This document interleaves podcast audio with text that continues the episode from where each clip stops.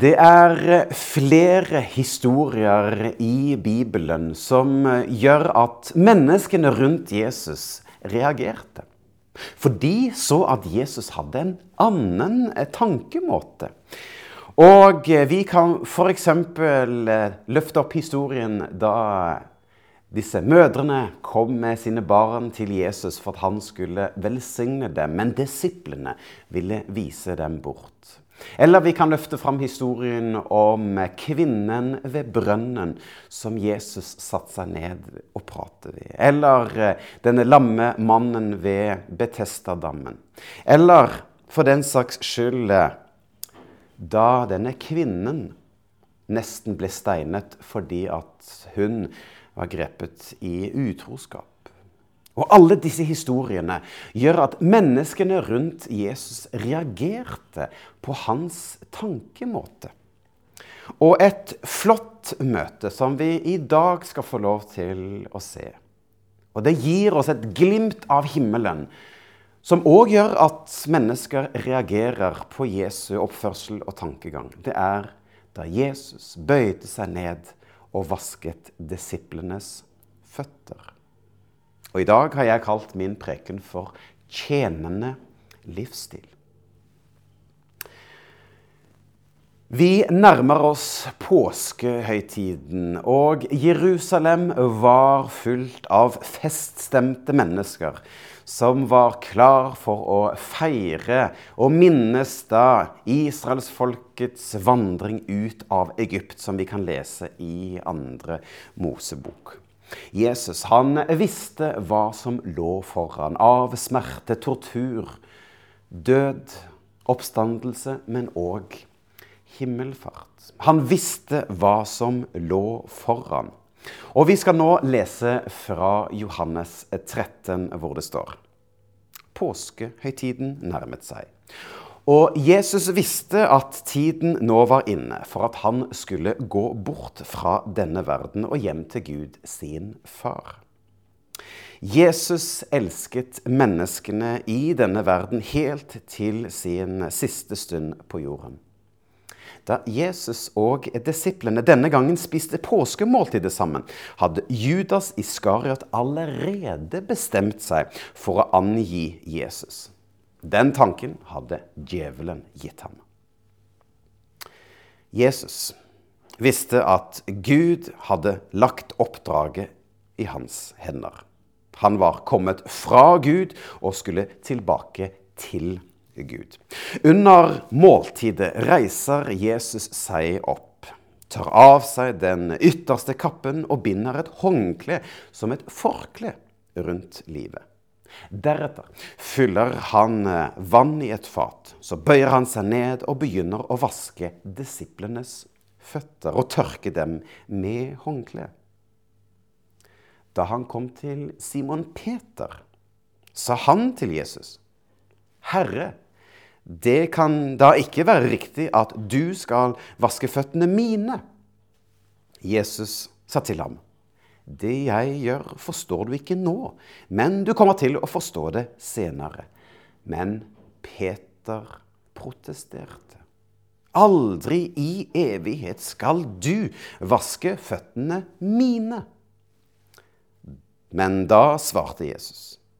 Hvis ikke jeg får vaske føttene dine, kan jeg ikke ha noe med deg å gjøre. Simon Peter angret seg og sa, Herre, du skal ikke bare få vaske føttene mine, men vask også hendene mine og hodet mitt. Reaksjonen til Peter er nok ikke så merkelig i lys av samtiden. For på Jesu tid så var fotvasken ansett som noe særdeles nedverdigende. Ja, det var slik at eh, selv ikke jødiske slaver kunne bli påkrevd å vaske andres føtter. Det var eh, heller slik at eh, det var kun tilmålt til hedenske slaver, altså ikke-jødiske slaver. Kvinner, barn eller elever. Og det var bortimot et sjokk, eller nærmest en skandale, at en mester frivillig vasket sine elevers føtter. Aldri hadde en slik handling blitt gjort av en mester før. For fotvask i det første århundret, det var en, eh, både en daglig og en rituell handling. Ja, for i det første århundret så var det mye støvete veier og åpne sandaler som gjorde at føttene ble støvete og møkkete.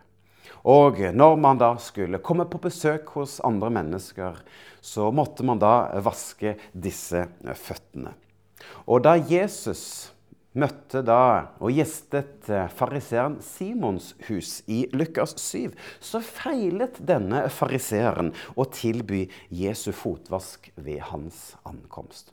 Fordi at fotvask ble òg ansett som en gjestfri handling. Ved at Jesus tar av seg den ytterste kappen og binder et håndkle om livet, så kler han seg som en tjener. Han bøyer seg ned ved å knele ned ved hver av disiplenes føtter. For helt fra Jesu kom til vår jord, har han eh, møtt mennesker på en ydmyk måte for å vise Guds barmhjertighet og nåde. Og Jesus han kom som en ydmyk tjener til vår verden, sier Bibelen. Den helligste av de hellige bøyde seg ned og tok, ga avkall på sitt eget og tok på en tjeners skikkelse og ble menneskelik, står der i Filippane 2,7. Ja, Jesus han ble født i en enkel stall og var villig til å ydmyke seg selv og til å være lydig helt inn til døden på korset. Ja, for Gud ble menneske. Gud ble ydmykt et menneske. Og kongen ble ydmyk en tjener. For gjennom sine ord og handlinger så viste Jesus Guds godhet og medfølelse overfor menneskene. Og fotvasken den er òg direkte koblet til korsfestelsen. Ja, for fotvasken blir på sett et preludium på det som skulle skje en forvarsel, et forspill på det som skulle skje. For ved fotvasken så bøyer Jesus seg ned, men det gjør òg Jesus på korset. Han bøyer seg ned og tar på seg vår straff og vår skyld, vår dom og vår død, for at vi skulle få hans nåde og kjærlighet. Og gjennom fotvasken så viser også Jesus et eksempel på tjenende holdning. Ja, for den kristne tro, den utfordrer denne verdens tankegang om å bli størst, om å bli best og om å ha mest innflytelse. For Guds rike er et opp-ned-rike, hvor Bibelen sier at den første skal bli den siste, og den siste skal bli den første. Og at barna blir løftet opp som et eksempel både på tro og ydmykhet og åpenhet. Og den som vil lede, ja, men den må tjene. Og Jesus han sier jo at hvis noen vil være den første, skal han være den siste av alle og alles tjener.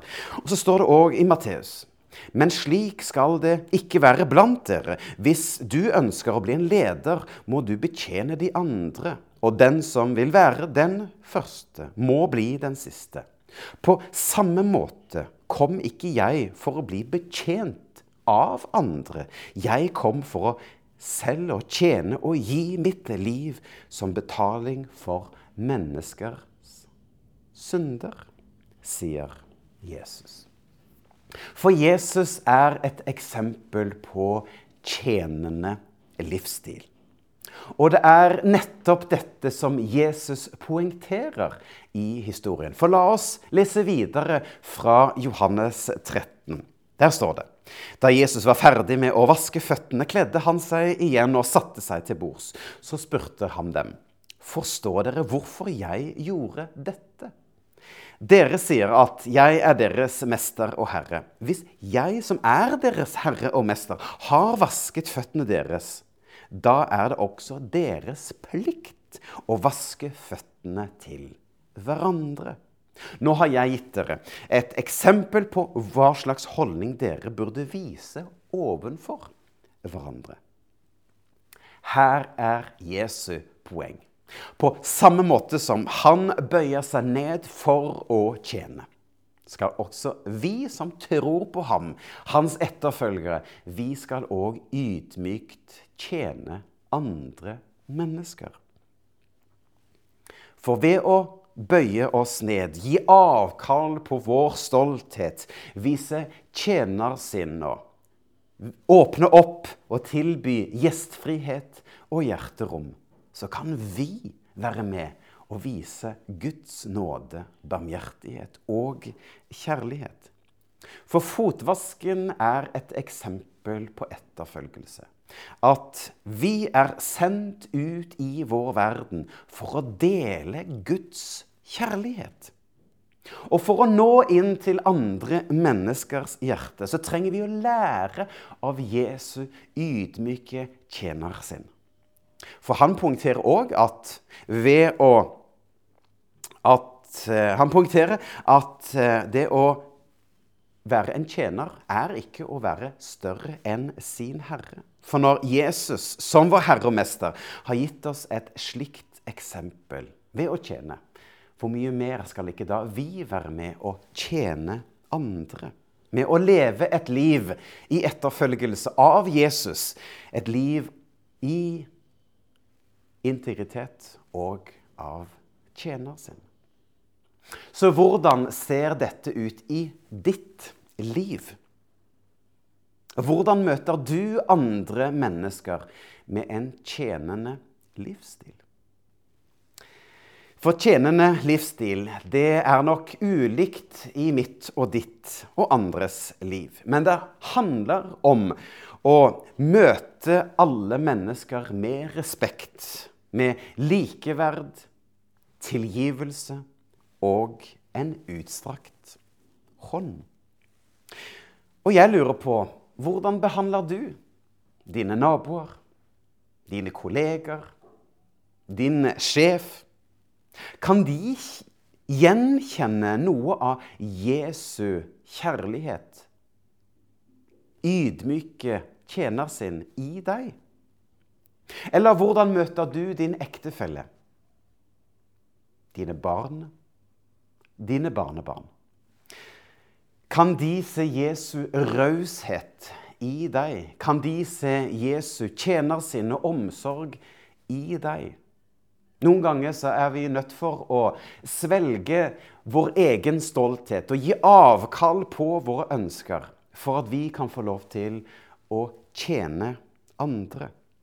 Mitt ønske er ikke å løfte en pekefinger og si at du må skjerpe deg. Nei, jeg har lyst til å gi deg Guds ord. Jeg har lyst til å gi deg Guds ord. Og eh, Jesus han sier jo at 'nå har jeg gitt dere et eksempel på hva slags holdning dere burde vise ovenfor hverandre'. Hva slags holdning har du ovenfor andre? Er det slik at du alltid må ha rett? Er det slik at du alltid må være den første? Er det slik at du alltid må ha mest innflytelse?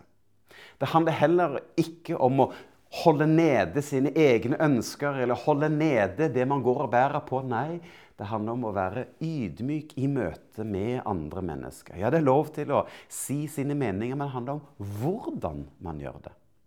Det handler lov å ha innflytelse, men det handler om hvordan man gjør det. På en ydmyk og raus måte. For tenk hvordan det hadde sett ut om du og jeg kunne få lov til å vise Jesu tjener sin der hvor vi er. Hvordan hadde det sett ut om andre ble positivt overraska av oss troende, av vår godhet, av vår omsorg og vår raushet? Jeg håper at disse ordene og disse tankene kan få lov til å bli værende i ditt hjerte i ukene for, foran. At du kan få lov til å vise en tjenende livsstil der hvor du er. Så jeg vil avslutte med dette og lyse velsignelsen over deg, for at Gud kan få lov til å virke gjennom deg, og at du kan vise Hans godhet og kjærlighet. Så ta imot Herrens velsignelse. Herren velsigne deg og bevare deg. Herren la sitt ansikt lyse over deg og være deg nådig. Herren løfte sitt åsyn på deg og gi deg fred. Tusen takk for i dag.